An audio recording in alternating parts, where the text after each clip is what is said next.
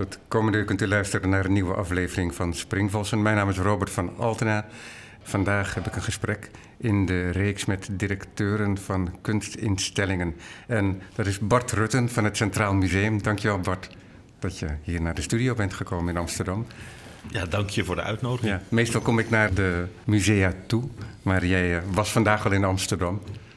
Ja, het is Amsterdam Art Week als wij dit opnemen. Dus dat is een goede reden. En voor de Amsterdamse luisteraars wil ik best verklappen dat ik ook in deze stad woon. Ja, en je bracht ook allemaal nieuwtjes mee. Ja, zeker. Die mij ontgaan waren omdat ik gisteren inderdaad op galeriebezoek was. Jacqueline Grandjean in het uh, Brabants Museum. Ja, en uh, net binnen dat uh, Charles X uh, gaat vertrekken bij Museum Boymans van Beuningen. Dus we staan echt wel in de storm, in het oog van de actualiteit. ja, precies. Ja. ja. Wij kennen elkaar persoonlijk ook, omdat onze vriendengroepen elkaar raken. Ik heb jou professioneel pas later ben ik je tegengekomen hè, als conservator bij het Stedelijk Museum. Hoe lang heb je daar gezeten? bijna negen jaar bij het Stedelijk Museum in, in verschillende posities eigenlijk ook. Ik begon daar als uh, conservator uh, eigenlijk uh, meer zeg maar hedendaagse kunst met een specifieke taak om de erfenis van een toen vertrokken conservator, Doreen Mignot, op me te nemen. En dat was gespecialiseerd in videokunst. En daar heb ik ook echt een Amsterdams verleden in. Toen ik net afgestudeerd was, overigens gestudeerd in Utrecht, uh, studeerde ik af op dan nog in de wetenschap niet zo vaak bekeken vorm videokunst. En toen wilde ik heel graag werken bij Montevideo. Dat was een prachtig instituut hier in Amsterdam aan de Keizersgracht, wat zich inzette voor uh, videokunst. Daar heb ik uh, eerst een periode gewerkt en toen ben ik naar Den Bosch gegaan, naar wat nu het Designmuseum is, maar toen heette dat het SMS. Dat had een tijdelijke locatie op een prachtige plek naast het spoor, een oude fabriek. Daar heb ik uh, bijna 3,5 jaar gewerkt. En toen kwam er een plek bij het Stedelijk. Dat was toen ik studeerde wel mijn droombaan om bij het Stedelijk te werken. Daar heb ik negen jaar gewerkt met ontzettend veel plezier. En ja, toen kwam er een plek in de stad waar ik studeerde. En een museum wat ik van die tijd ook echt wel enigszins kende. Het Centraal Museum in Utrecht. Om uh, artistiek directeur te worden. En ik dacht dat mijn tijd daar was om een keer zelf dan maar aan het stuur te gaan staan. En uh, dat bevalt me ook wel heel erg goed. Ik zit er nu vijf jaar. Dat contrast is vrij groot hè, met laten we zeggen, je afstuderen onderwerp en je eerste stappen in die museumwereld dan buiten de universiteit. Met het Centraal Museum. Want het Centraal Museum is een museum van grote contrasten. Ja. Mode, hedendaags en historisch, design, beeldende kunst, hedendaagse tentoonstellingen, ook solo tentoonstellingen van levende kunstenaars en tegelijkertijd ook prachtige oude kunst. Ja, het is echt een. Uh, misschien hebben wij wel de meest brede en zeker ook een van de meest complexe collecties. Hoewel, als ik hier met jou zit in het Allard Pierson Museum, dan moet ik uh, deze uh, bijna even oude zusterorganisatie. die heeft een beetje hetzelfde.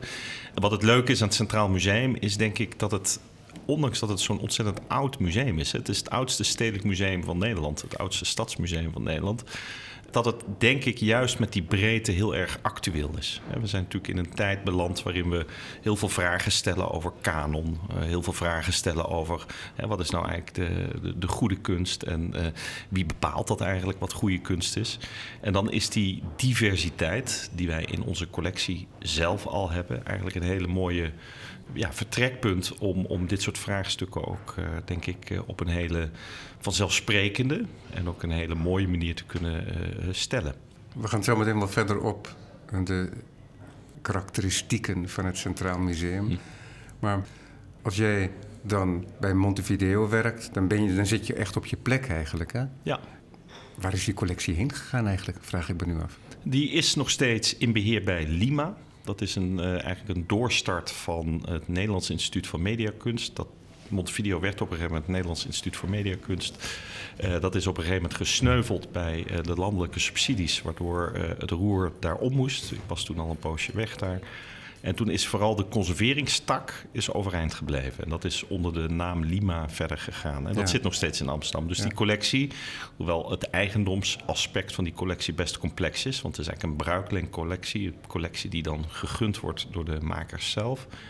die, ja, die kan je nog steeds raadplegen. En met name ook zeg maar, films huren. Dat niet voor thuis, maar meer voor tentoonstellingen. Ligt nou niet de basis van de onrust ook? Dat het een bruikleencollectie is en dat de verantwoordelijkheid van de overheid een ander is? Uh, nou, weet ik niet. Ik denk dat ze vooral door zijn gegaan in waar ze echt wereldleidend in waren. En dat was dat conserveren. En daar liggen nog heel veel vraagstukken als het gaat over internetkunst bijvoorbeeld. En nou ja, we hebben het nu nog niet eens echt over de NFT's in de kunstwereld. Maar dat wordt natuurlijk ook op een gegeven moment een, eh, een onderwerp. En op dat soort dossiers is zo'n instelling heel interessant. Maar even terug van hoe ik op zo'n hinkstap sprong door die kunstwereld loop. Dat heeft eigenlijk denk ik ook wel een beetje te maken met het stedelijk. Want daar heb ik een hele uh, nou ja, verbredingsslag mogen maken. En dat is soms ook terug te bij leiden tot iets heel erg eenvoudigs. Met wie zit je op een kamer? En toen ik uh, bij het stedelijk kwam, ik was uiteindelijk aangenomen door Gijs van Tuil, die heel druk bezig was met eigenlijk het, het voorbereidende werk voor uh, de terugkeer naar uh, het Museumplein. Nou, dat uh, heeft wat langer geduurd dan iedereen natuurlijk wenste. Toen zat ik op de kamer met, ik vind het toch leuk om zijn naam even hier te noemen, Geurt Imansen. Hij was echt een ja, heel trouwe, uh, je zou kunnen zeggen, mastodon van uh, het Stedelijk Museum, die daar al heel lang werkte en ontzettend goed ingevoerd was op de Russische avant-garde. Sowieso echt een kenner van de modernistische kunst. Hè. Toch ook een kracht van de collectie van het Stedelijk Museum. ik heb hem ooit nog ge geïnterviewd over, over Malevich ten tijde van die Malevich tentoonstelling en toen die Gardjev-catalogus ook uitkwam. Ja, precies. Die Gardjev-catalogus, die fantastisch is overigens. En eigenlijk heb ik toen aan de hand van hem een veel beter zicht gekregen op die uh, modernistische tijd. En uh, ben ik ook eigenlijk uh, tentoonstellingen gaan maken in het stedelijk met dit als onderwerp. Onder andere Malevich. Geurt was toen ontzettend druk met die Gardiev-publicatie. En er kwam wat druk op de realisatie van dat project. En toen ben ik erbij gekomen om die tentoonstelling wat meer te trekken. En dat heb ik toen samen met hem mogen doen. En dat was denk ik ontzettend leerzaam voor mezelf. En het was natuurlijk een groot succes voor het museum. En daarna heb ik nog een keer Matisse tentoonstelling gemaakt. Wat ook een beetje ja, niet echt uit mijn expertise uh, kwam. Maar als je dan het geluk hebt, als je zo'n tentoonstelling mag maken, dan leer je natuurlijk ontzettend snel. Omdat je voortdurend met allerlei specialisten in gesprek bent. Dat je eigenlijk een, een, een, een ontwikkelingstraject aangeboden krijgt, wat fantastisch is. En toen werd ik inderdaad een poosje uh, hoofdcollecties. En uh, dat is natuurlijk ook in de breedte. Dat ging van 1870 tot uh, iets wat nog nat was van de verf. En waar bestaat het dan uit, hoofdcollecties? Dat was in het stedelijk opgedeeld in twee delen. Je had zeg maar hoofdcollecties meer vanuit een geestelijk historisch perspectief. En je had een hoofdcollecties vanuit het fysieke beheer. En ik was hoofdcollecties vanuit het fysieke beheer. Dus dan had je het vooral over bruiklenen. Had je het vooral over restauratietrajecten, maar ook over aankoopbeleid, wat zeg maar erbij moest komen.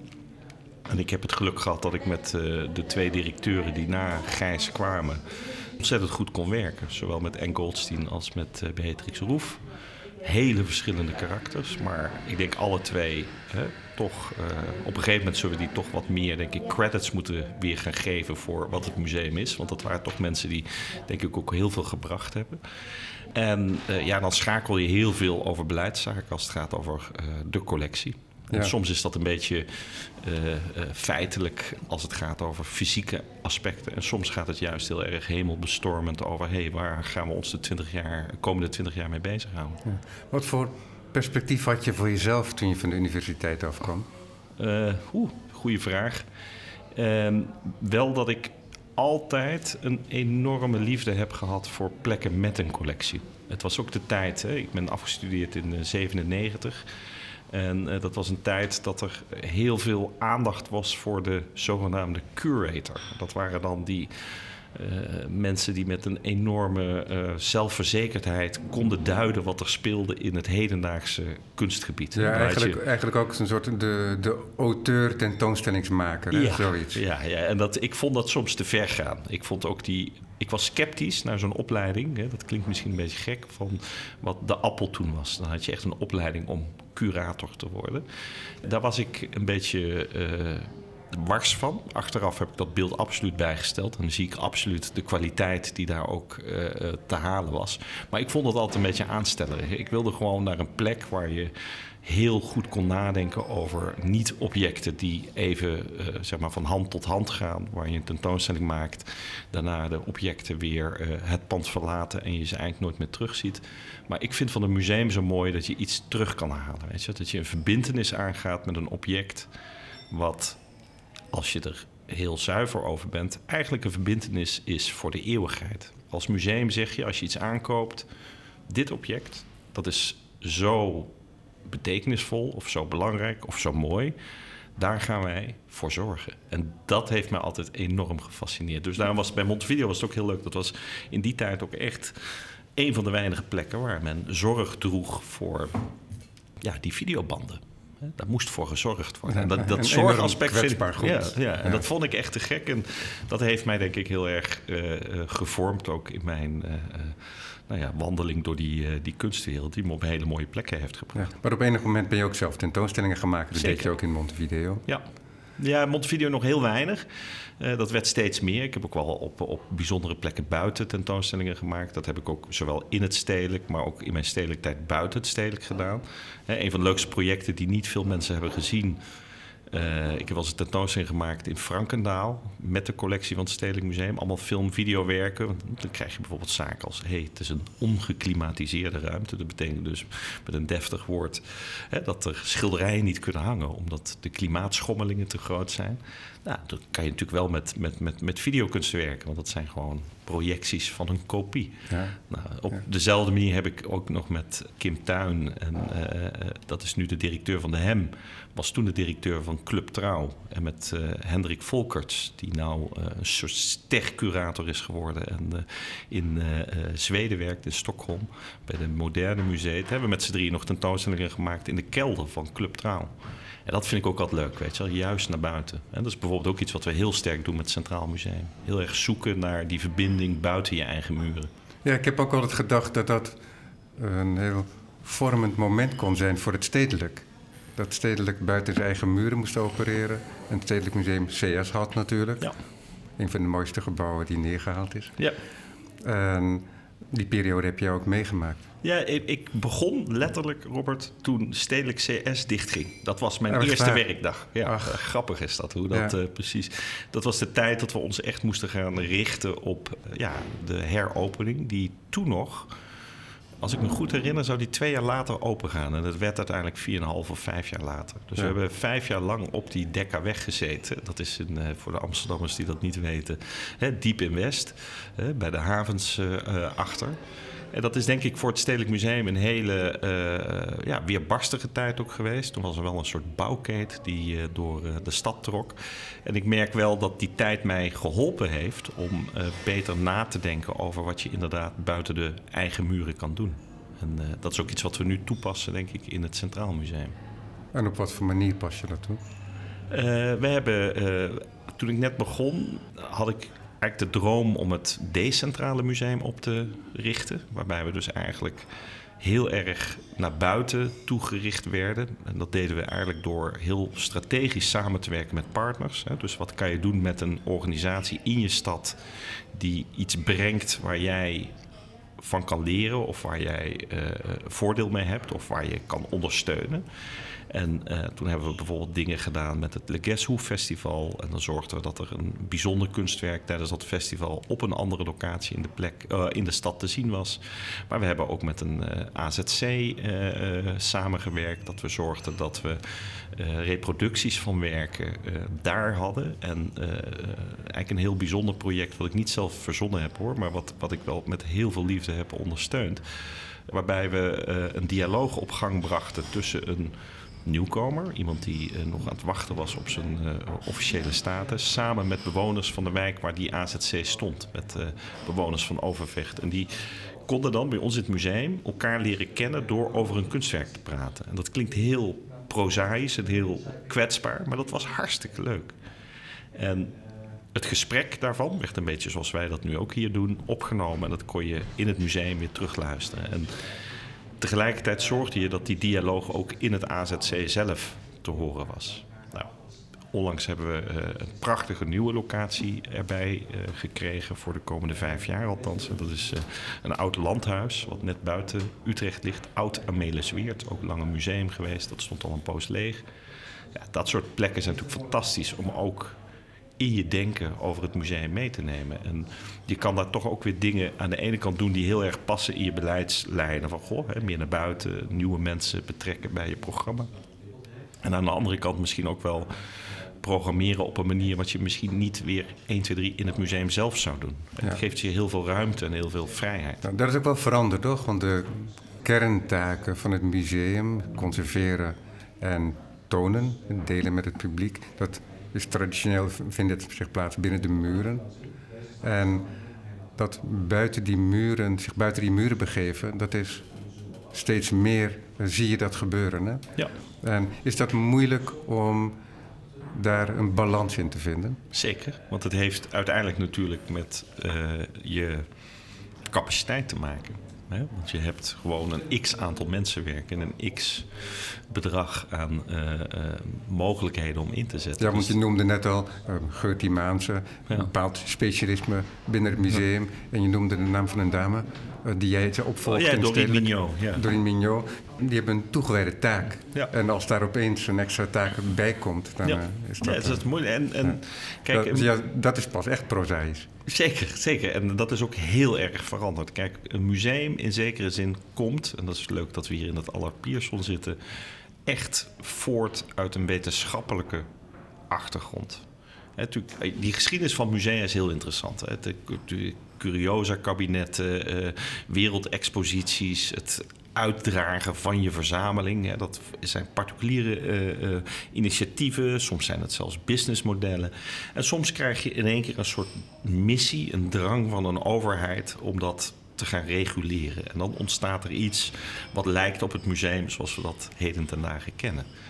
En wat heel erg veranderd is, en dat sluit denk ik ook goed aan bij wat ik eerder zei over de actualiteit van het Centraal Museum, is dat vroeger je naar een museum ging om daar zeg maar, ja knikkend te luisteren naar de wetenschappelijke staf die jou ging uitleggen hoe het allemaal zat.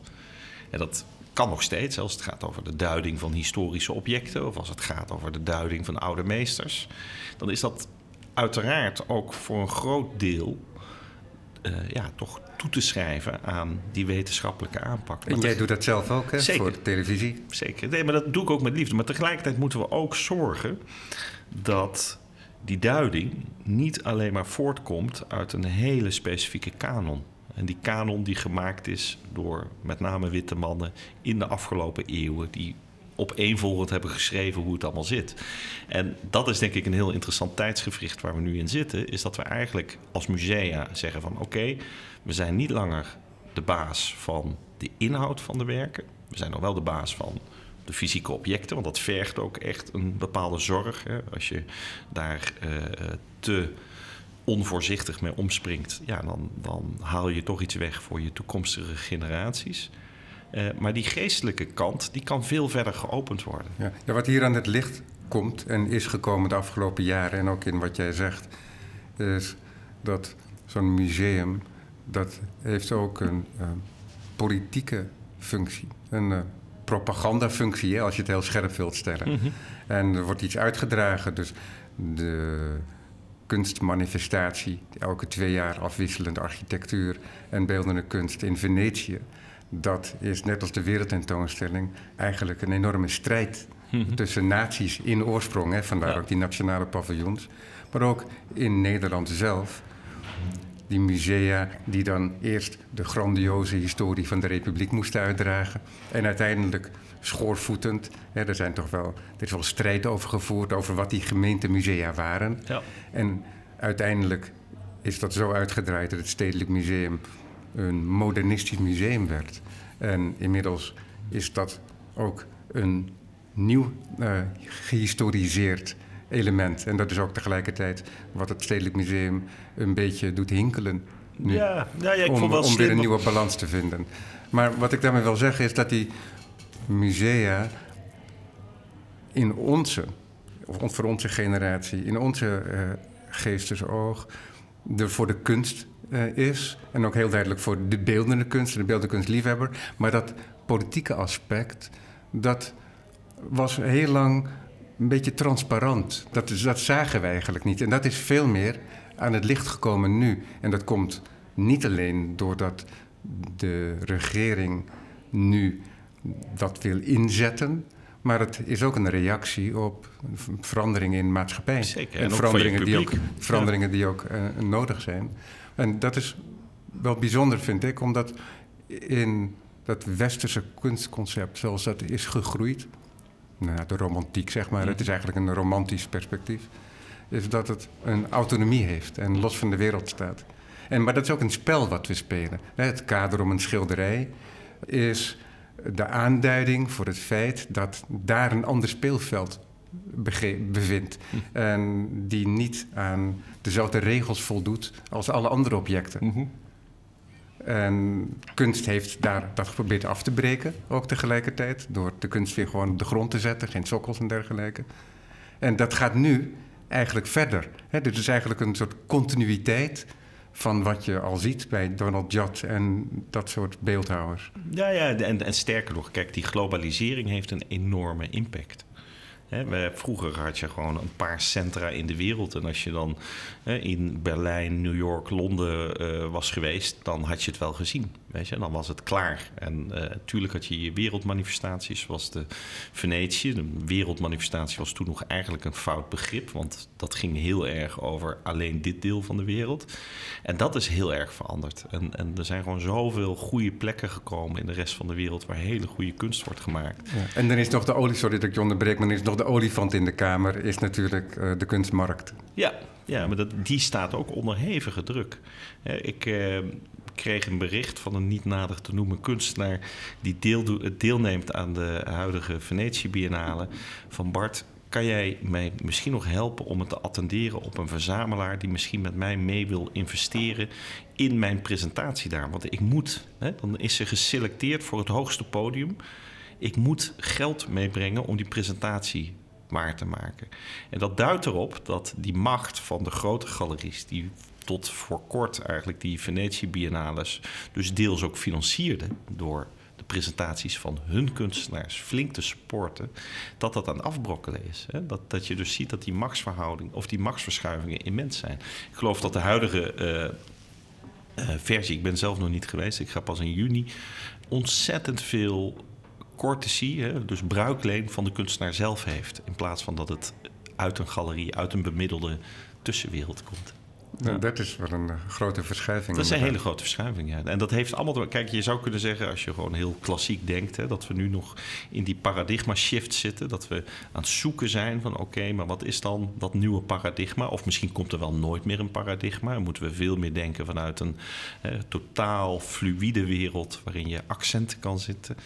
Ik had onlangs nog een interessant gesprek met iemand die zei: Ja, weet je wel, die, die totale gekte van een museum, dat ze denken dat ze uh, er altijd zijn. Is dat nog wel houdbaar? Weet je in een pop-up cultuur, waarin eigenlijk alles pop-up is. Dus er is heel veel aan het schuiven. En uh, dat maakt het denk ik voor musea een hele uh, boeiende tijd om te opereren. We kunnen heel veel uitvinden, we kunnen heel veel verbeteren. En ja, tegelijkertijd zitten we ook gewoon in een post-corona plaats. Laten we hopen dat het echt post-post is. Uh, waarin we nog moeten zoeken van... hé, hey, die publieksgroepen die we voor de coronacrisis hadden... die zijn nog niet terug. We hebben niet die massa's die we daarvoor hadden. Waar ligt dat aan? We zien dat met name de wat oudere bezoeker nog thuis blijft. Dus er, zijn, er, zijn, er is heel veel uh, te doen. Het is op het moment hard werken, kan ja, je vertellen. Ja, precies. Want, ja, want daarmee noem je nog een nieuw aspect inderdaad. Dat je moet nadenken over bezoekersaantallen. Zeker. Ik denk dat Geurt Imamse eind jaren zeventig daar geen moment over na heeft gedacht. Nee, dat is natuurlijk dat ondernemerschap hè, wat in de jaren negentig is gekomen. Ja, misschien is het leuk om dat verhaal af te maken. Dus dat we zeggen, het komt uit een soort wetenschappelijke hoek. Op een gegeven moment uh, krijg je een soort vereftelingisering. Hè. Moeten we steeds meer entertainment ook uh, uh, bieden. En vooral massa, massa publiek binnenhalen. Er zijn natuurlijk plekken geweest die daar heel succesvol op hebben geprogrammeerd. Hè. Blockbuster naar blockbuster. En dat is ook flink geld verdienen. Weet je wel? Zeker in de tijd dat je nog eigenlijk zonder al te veel nou ja, hoe zeg je dat, schroom toch even een toeslagje vroeg voor je entree. Voor een bijzondere tentoonstelling. Voor een zogenaamde bijzondere tentoonstelling. Nou ja, weet je, dat kan ontzettend veel geld opleveren. Ik kan me dat herinneren van de Matisse tentoonstelling. Toen waren we best wel bezorgd over de hoge kosten. Dat wij, wat was het? Ik denk 2,50 of 4 euro toeslag hadden. Want we probeerden, tenminste ik probeer eigenlijk zelf er altijd zo terughoudend mogelijk mee te zijn. Uh, en dat, dat het, wat zou een break-even punt hebben bij uh, 200.000 bezoekers, wat best wel ambitieus was in die tijd. Maar er kwamen er 360.000. Nou, ga maar uitrekenen. 150.000 keer die 2,5 of die 4 euro. Dat is een enorme som geld die in één keer je organisatie inkomt.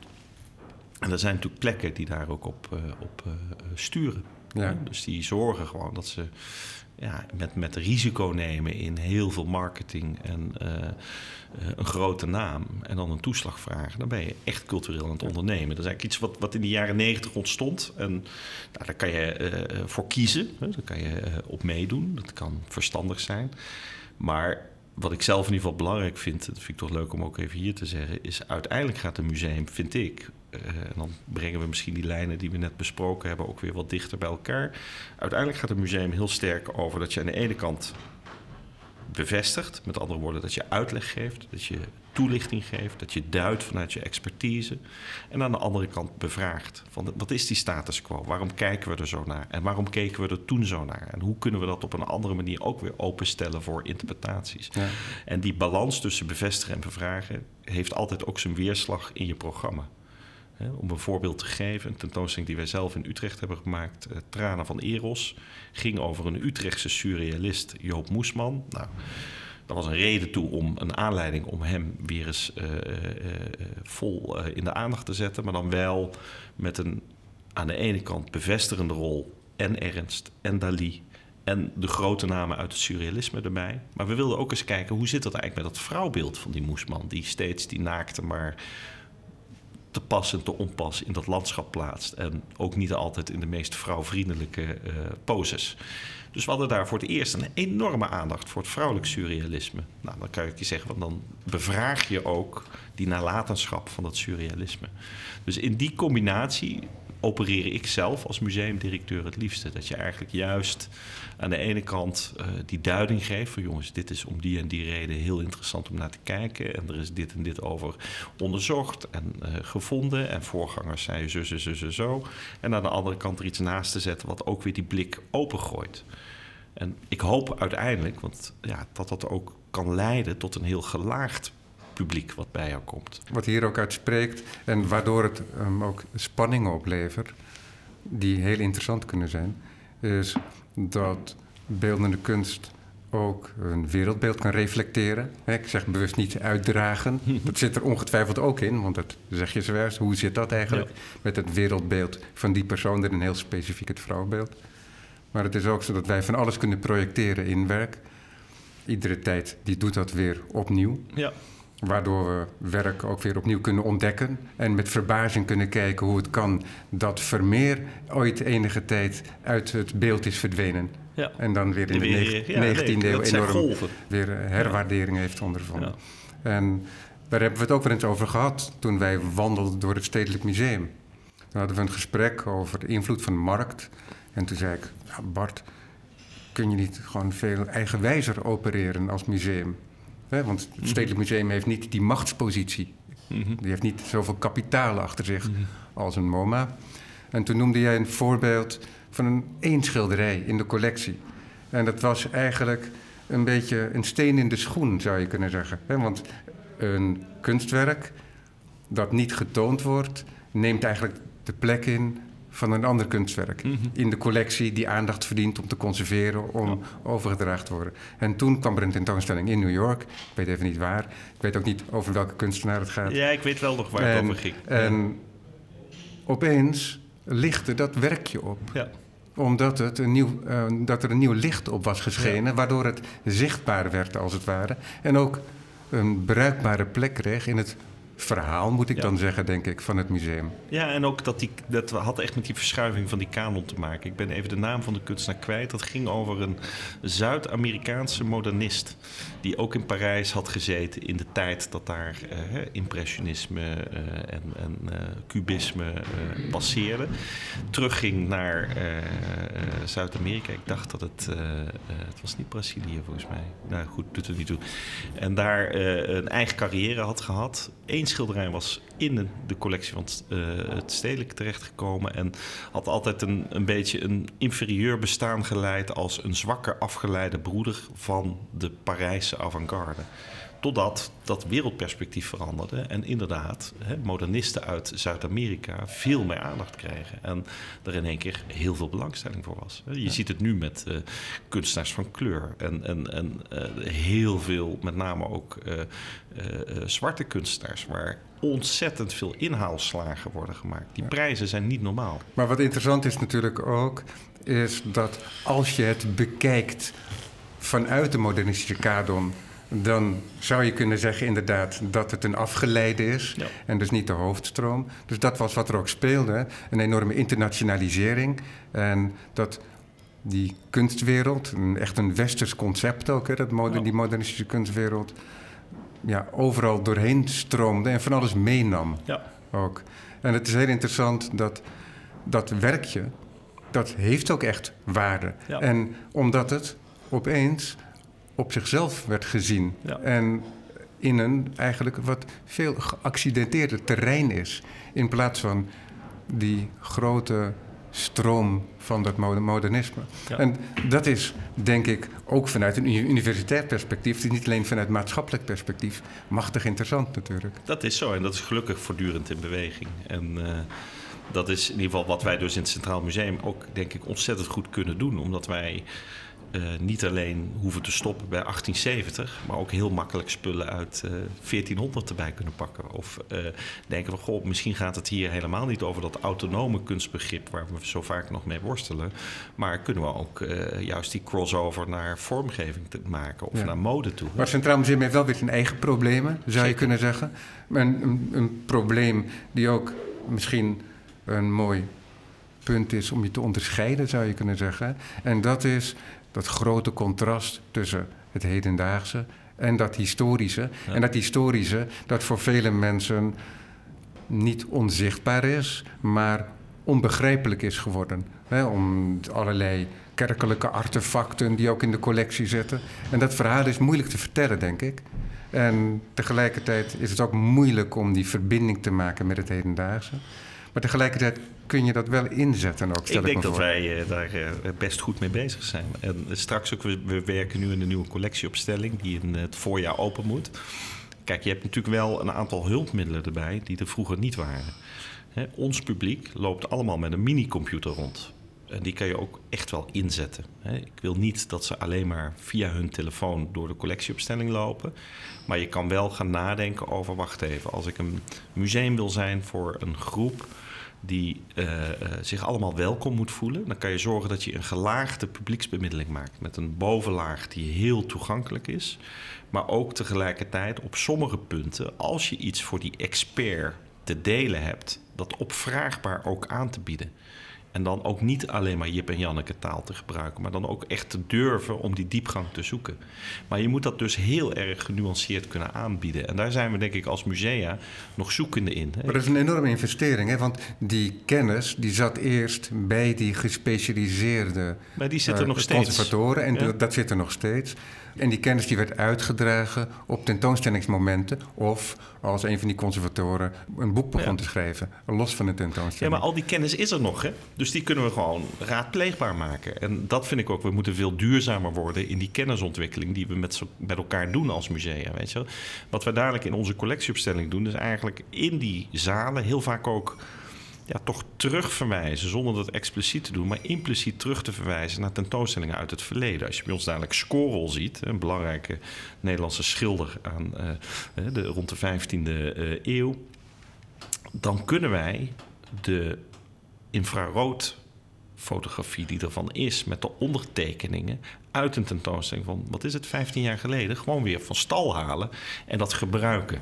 En dat doen we denk ik als musea te weinig. Je moet denk ik een collectieopstelling heel duidelijk zien ook als de uh, presentatieplek van jouw voortschrijdende inzichten. En ook het koesteren van die inzichten die in de loop van de decennia wordt opgebouwd. En dat is te gek namelijk. En, Maar ja, daar zit niet iedereen op te wachten. Hè. Je moet eerst wel aansluiting hebben van wie is die score dan? Hè? Wat, wat was dat voor een man die hè, toen al helemaal naar Jeruzalem rijden om daar schetsen te maken van de heilige stad. En notabene de conservator van de paus werd. Weet je, dat zijn fantastische verhalen. Je hebt heel veel nodig om zeg maar, iemand te betrekken bij zo'n grootheid als Korel. En dan tegelijkertijd, als je het hebt, kan je ook denk ik voor die persoon die allang wist wie Jan Korel was, in die gelaagdheid van je publieksinformatie even duiden joh, wil je meer weten? Pak even je telefoon erbij. En dan die diepte ook weer inzoeken. En daar, daar zijn we nog heel erg mee bezig. Ik zou willen dat we net zo eenvoudig waren als de Thai om de hoek. Bij het Thaise restaurant weet je het precies. Ik neem, als ik beginner ben, één pepertje. Kom ik er iedere week, dan neem ik vier pepertjes. Omdat ik gewoon gewend ben geraakt aan die smaak. En dan wil ik ook die pittigheid van de inhoud... wil ik ook, zeg maar, raadpleegbaar... of in ieder geval optioneel kunnen aanbieden. Ja, want dat is ook wel veranderd, denk ik, toch? Dat je die presentatie, dat je die maakt, als je een tentoonstelling maakt, dat je tegelijkertijd verschillende soorten publiek probeert aan te spreken. Ja, en dat is bij een museum in Utrecht nog moeilijker, denk ik, dan in een grotere stad. Utrecht is uh, uh, iets minder dan de helft van Amsterdam. Uh, dat betekent dus dat je ook. Uh, nou ja, wij, wij hebben best wel verschillende publieksprofielen die bij ons over de vloer komen. Aan de ene kant de houder van de uh, Vereniging Rembrandt pas, hè, dus de persoon die zich echt wel informeert en de recensies leest in de krant. En tegelijkertijd zijn we ook echt het museum van de stad. En er komen ook mensen die niet opgegroeid zijn met een museum. Of die via school voor het eerst kennis maken met een museum. Is de drempel van het museum daardoor ook lager dan bijvoorbeeld het Stedelijk Museum? Ik denk het wel, omdat mensen wel echt voelen dat het ook een museum van de stad is. En wij daar ook echt heel veel in investeren door de wijken in te gaan, de dialoog aan te gaan van hé, hey, wat verwacht je van een museum? Wat kunnen wij van jou leren, et cetera, et cetera. Ehm, en uh, nou ja, we hebben uh, denk ik ook een best aardig uh, jongerenprogramma. de eerste donderdag van de maand is er altijd iets bijzonders te ervaren. En op die manier bouw je gewoon aan een grotere differentiatie van je publiek. En dat is denk ik de afgelopen jaren, hoewel het nog steeds moeilijk is om dat goed te beoordelen.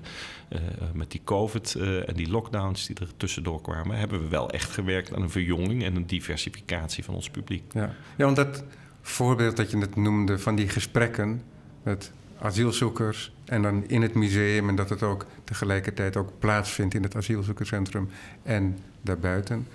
Dat is een heel mooi voorbeeld van iets wat hier bij de privécollectioneurs in de 16e, 17e eeuw ook gebeurde. Hè, die hun collecties verrijkten met wat er op de schepen binnenkwam. En graag mensen uitnodigde om het gesprek onder heren dan ja. uh, te dat was heel specifiek gesprek. Dat, dat was heel specifiek. Heel specifiek ja. maar, nee, maar dat is interessant natuurlijk. Dat, we leven in een andere maatschappij. En dat gesprek rond het kunstwerk is ook van groot belang geweest. Maar dat is het altijd geweest. Zeker. Het, het, de term in het Engels, die wij ook dan ook gebruiken in het Nederlands, a conversation piece. Dat is altijd levendig. Zolang er een kunstwerk is, bestaat die notie. Ja. Denk ik. Het is altijd een, ja, weet je, het gaat natuurlijk over dat je via je waarneming uh, aan het denken wordt gezegd. En, en uh, dat denken, dat kan je heel goed uh, aanscherpen, juist in dialoog met een ander. Is of... het voor jou moeilijk om die balans te bewaren dat je het kunstwerk waardeert en dat je er een verhaal mee vertelt, dus dat het geïnstrumentaliseerd wordt? Dat is een hele goede vraag, omdat wij daar als museum, denk ik ehm, bijzonder fijngevoelig mee moeten omgaan. En dat kan ik dan mooi koppelen aan toch even iets vertellen wat we nu aan het opbouwen zijn. Uh, we hebben dus die verschillende collecties. Die collecties die worden uh, vertegenwoordigd door een conservator. Nu is René de Kam, een ontzettend uh, bevlogen uh, conservator van ons, die gaat over de stadsgeschiedenis een tentoonstelling aan het maken. De, Utrecht bestaat 900 jaar, dus wij kijken een beetje neer op dat Amsterdam, wat nu helemaal in rep roer is over die 750 jaar. Maar ja, jongens, de oudste stad van Utrecht in die zin, qua machtscentrum tot 1600 lag wij, echt in wij Utrecht. voor u. Ja, ja. Dus dat vieren wij vanaf 2 juni. En we hebben een tentoonstelling gemaakt waarin we dat begrip wat Utrecht graag bezigt, healthy urban living. Dus kritisch tegen het uh, licht te houden van, ja, maar hoe ongezond was die middeleeuwen dan? Dat willen we dan ook wel eens weten. En dat valt dus heel erg mee. Nou, dat is een nogal verhaalgebaseerde tentoonstelling. Dat gaat over het herschrijven van een geschiedenis. En in zo'n geval zou je kunnen zeggen dat die kunstwerken wat, wat, wat meer. Want daar hangt Jan Steen dadelijk, hè, daar hangt uh, Utewaal, daar hangt uh, echt topwerken uit de 17e eeuw van de Nederlandse schilderkunst. Maar die hebben daar iets meer een acteursrol. Die zijn iets meer speler in dat verhaal wat daar verteld wordt. Terwijl in oktober maak ik zelf weer een keer een tentoonstelling. Dan combineren we zijn we ook weer een beetje terug bij waar we het gesprek mee begonnen. Uh, echt high-end videokunst. Dus Bill Viola, Abramovic, uh, Steve McQueen, uh, noem maar op. Samen met 17e eeuwse schilderkunst. En daar gaat het heel erg over de kracht van het beeld. En dan wordt het, waar jij het net ook over had, wordt dat frame van dat werk wordt weer echt opgezocht. Van, kijk nou naar de autonome, emotionele, esthetische kwaliteit van het werk. Terwijl tegelijkertijd in die tentoonstelling daarvoor, de gezonde stad, zie je dat het veel meer een eenheid wordt om dat betoog over die verandering van een stad duidelijk te maken. Ja, maar dat zou ook kunnen met die videokunst. Zeker. Maar ja, want dat representeert toch ook een, een wereldbeeld en ook wederom kunnen, wij, daar, kunnen wij daar weer van alles in projecteren. Ja, ja dat hebben, we hebben de duiding van die werken eh, ook wat open gegooid door samenwerking. Nou, dan gaan we weer uh, te zoeken met het uh, Utrechtse Literatuurfestival, de ILFU. waarbij we eigenlijk schrijvers opdrachten geven om te reflecteren op die combinaties tussen de videokunstwerken en de schilderijen. Die zijn heel precies bij elkaar gebracht. Hè. Bijvoorbeeld het gaat over licht-donker effect of over een bepaalde uitdrukking van een emotie het meest simpele voorbeeld, uh, Marina Abramovic, Art Must Be Beautiful, Artist Must Be Beautiful, waarin ze de hele tijd haar haar kampt. Oud werk van haar, waarin ze al zucht van ja, als kunstenaar moet ik dus kennelijk mooi zijn om mooie kunst te maken als ik performance maak. Omringd door allemaal 17e eeuwse portretten van hele wulpse vrouwen. Waarin dat erotiserende effect, wat in die 17e eeuwse schilderkunst kan, kan zitten, tegen elkaar, tegenover elkaar gezet wordt. Ja, daar kan je heel veel uit opmaken over hoe we nu kijken naar vrouw, uh, naar, naar lichamelijkheid, et cetera. Maar we kiezen er in deze tentoonstelling voor om, om misschien ook echt weer even die ode te brengen aan de kracht van kunst. En toch ook wat dat geloof terug te geven aan die kunst. Van dat die kunst er ook om zichzelf mag zijn. Dat die kan ontroeren. Dat die hè, overdonderend kan zijn. Dat die uh, meeslepend kan zijn. En ik denk ook dat dat mooi is als, als, als je zo'n podium hebt als een museum. In ons geval een best grote tentoonstellingsruimte. Dat je dus juist afwisselend daarin uh, accenten kan zetten. Ja. Jij neemt met groot gemak dat metaperspectief in, waar je het grotere verhaal vertelt. En mensen die jou op de televisie zien, die kunnen dat meemaken. En maar ook wanneer je spreekt in de museumzalen en ook nu hier. Jij maakt mijn werk heel gemakkelijk, omdat je zelf ook verbindingen maakt die ik niet hoef te leggen dan. Dus mensen getuigen daar nu ook van, als het ware. En dat is heel gelukkig voor een museumdirecteur. Maar jij bent ook iemand die die liefde heeft voor die kunst zelf.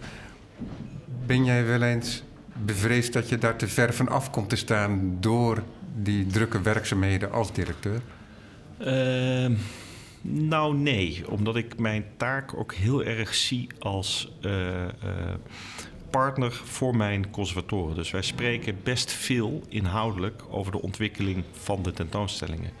En uh, nou, ik prijs mezelf gelukkig met een ontzettend ja, verschillende mensenteam van conservatoren. Hoeveel conservatoren zijn er in het Centraal We hebben er zeven.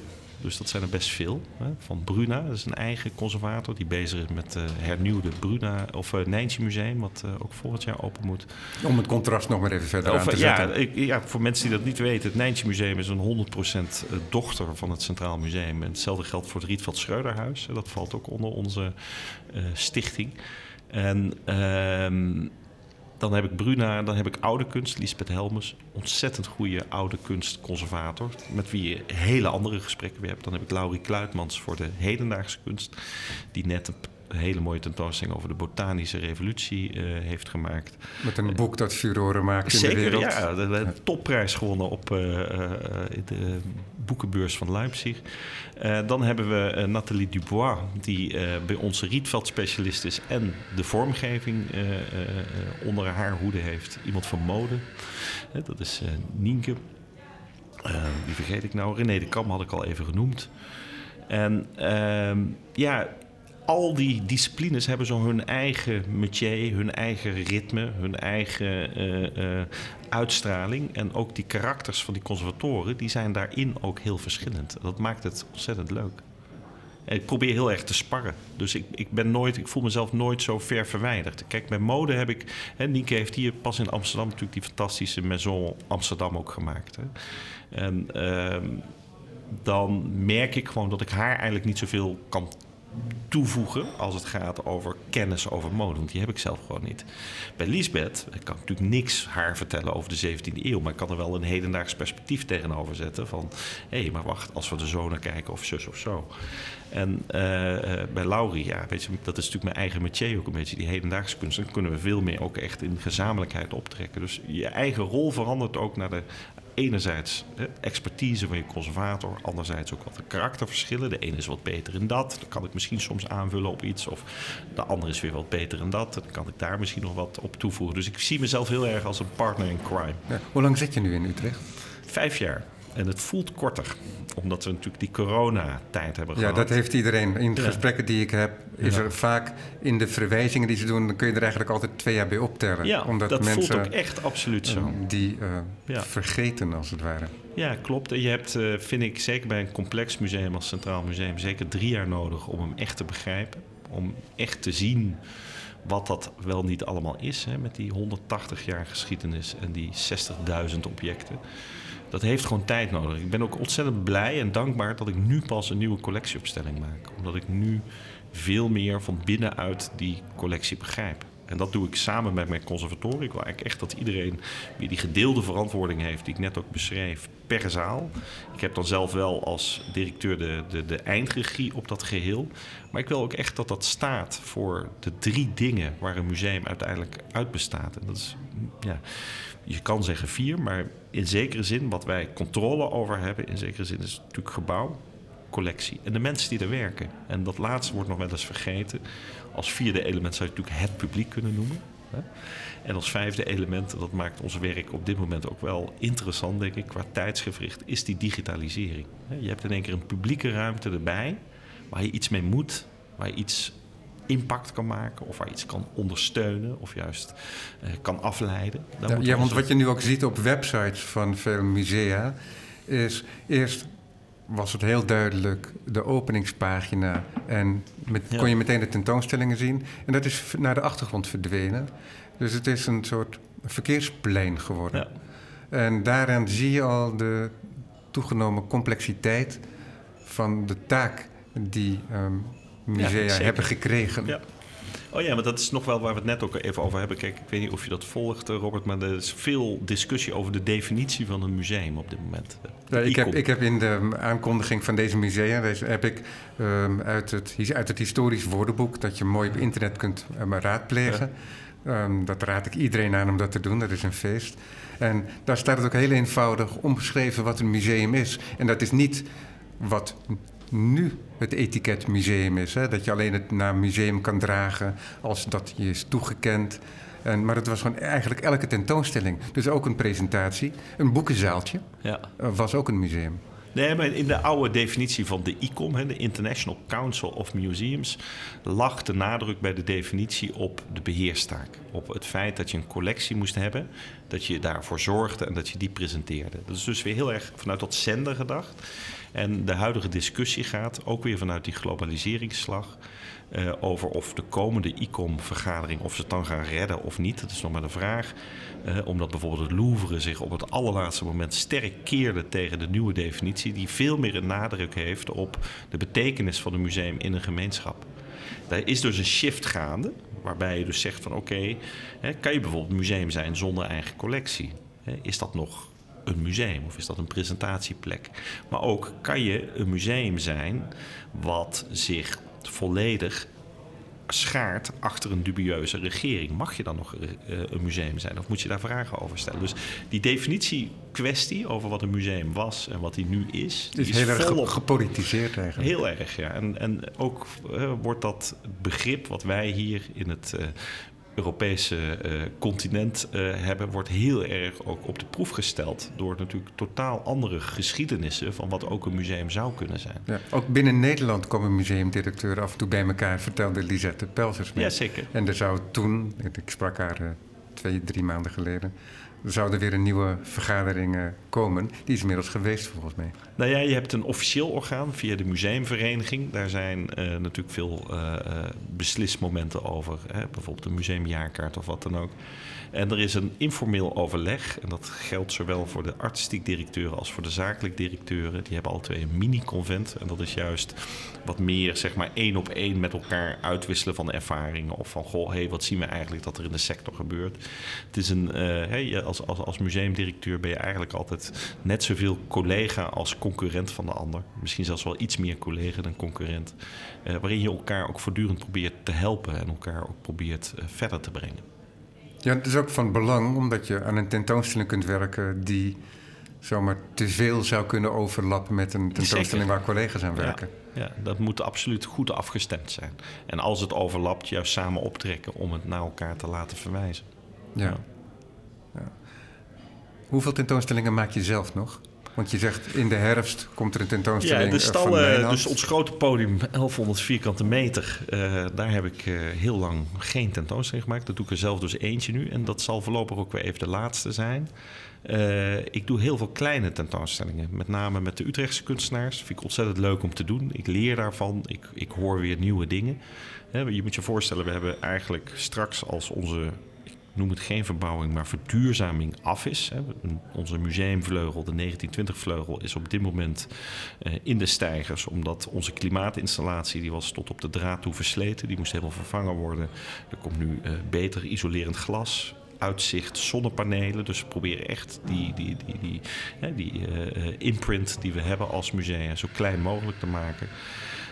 Um, daarin, op die tweede verdieping, maken we wat avontuurlijke reflecties op de collectie. Dat wil zeggen dat er een kunstenaar uitgenodigd wordt, of een vormgever, of een gemeenschap, of een centrum wat actief is om met ons te kijken naar die collectie en daar een tentoonstelling in te maken.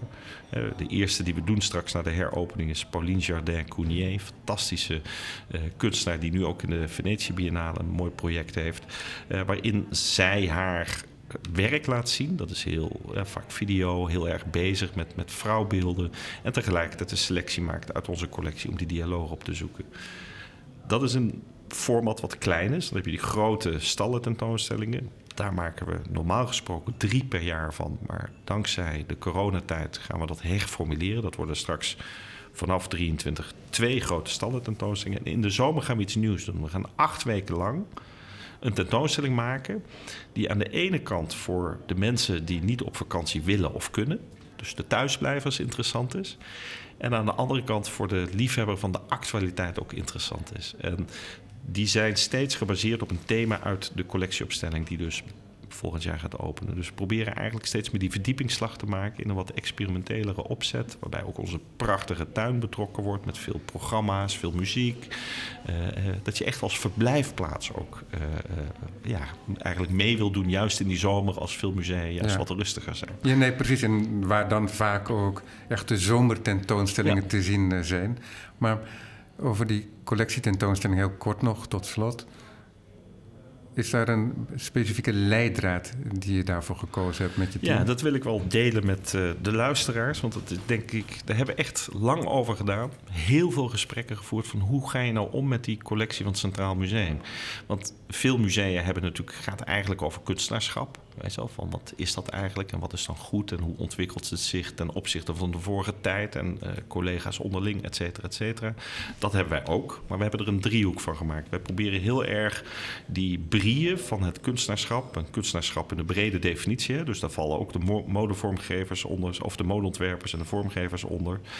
Uh, dat willen we eigenlijk altijd ook belichten vanuit een maatschappelijk perspectief. Van hoe zat het toen en hoe kijken we er nu aan? En vanuit die voedingsbodem. Want wij zijn echt een Utrechts museum met heel veel roots in de stad.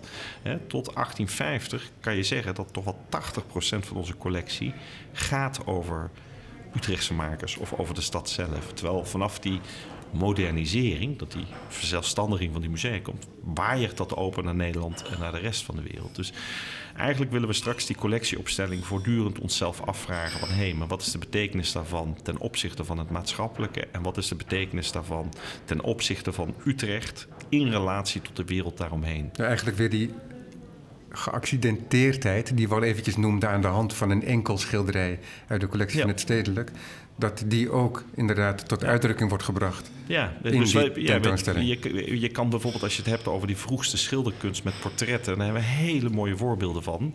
Dan kan je ook heel goed de vraag stellen, maar wie werd er afgebeeld en waarom werd die afgebeeld en wie werd er niet afgebeeld? Dus we proberen dat soort maatschappelijke zaken heel nadrukkelijk mee te nemen om die landing in die specifieke collectie van ons ontzettend te vergemakkelijken. Bart Rutte, Hartelijk dank. Dit was het vijfde gesprek in de reeks met de directeuren van kunstinstituten. Ik noem expres niet musea.